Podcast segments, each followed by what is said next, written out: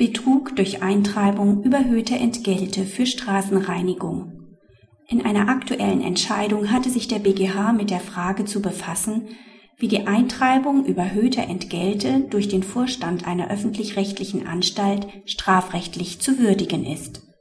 Der Angeklagte war Vorstand einer Anstalt des öffentlichen Rechts, der in ihrem hoheitlichen Bereich die Straßenreinigung oblag, wobei für die Eigentümer der Anliegergrundstücke ein Anschluss und Benutzerzwang existierte. Der Angeklagte sorgte dafür, dass durch einen fehlerhaft berechneten Tarif die Anlieger überhöhte Entgelte in Höhe von circa 23 Millionen Euro zu entrichten hatten. Dadurch wollte er einen vorangegangenen, von ihm zu verantwortenden Kalkulationsfehler vertuschen.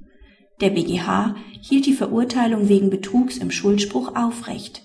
Insbesondere wird Paragraph 263 StGB hier nicht durch die Paragraphen 352 und 353 StGB verdrängt.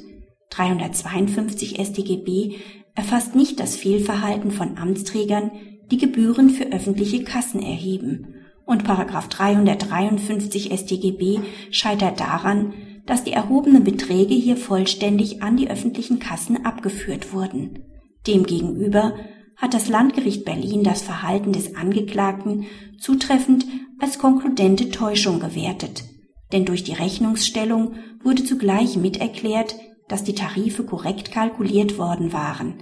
Darauf durften die Rechnungsempfänger vertrauen, zumal sie keine Möglichkeit besaßen, die Richtigkeit der Bemessungsgrundlage selbst überprüfen zu können. Der BGH beanstandet jedoch die Strafzumessung durch das Instanzgericht. Dieses hatte nämlich bei der Bemessung der Schadenshöhe nicht berücksichtigt, dass sich der Schaden im weiteren Verlauf erheblich reduziert hätte, weil die erhöhten Gebühreneinnahmen aufgrund öffentlich-rechtlicher Regelungen zwangsläufig zu einer Absenkung der Tarife für spätere Perioden geführt hätten.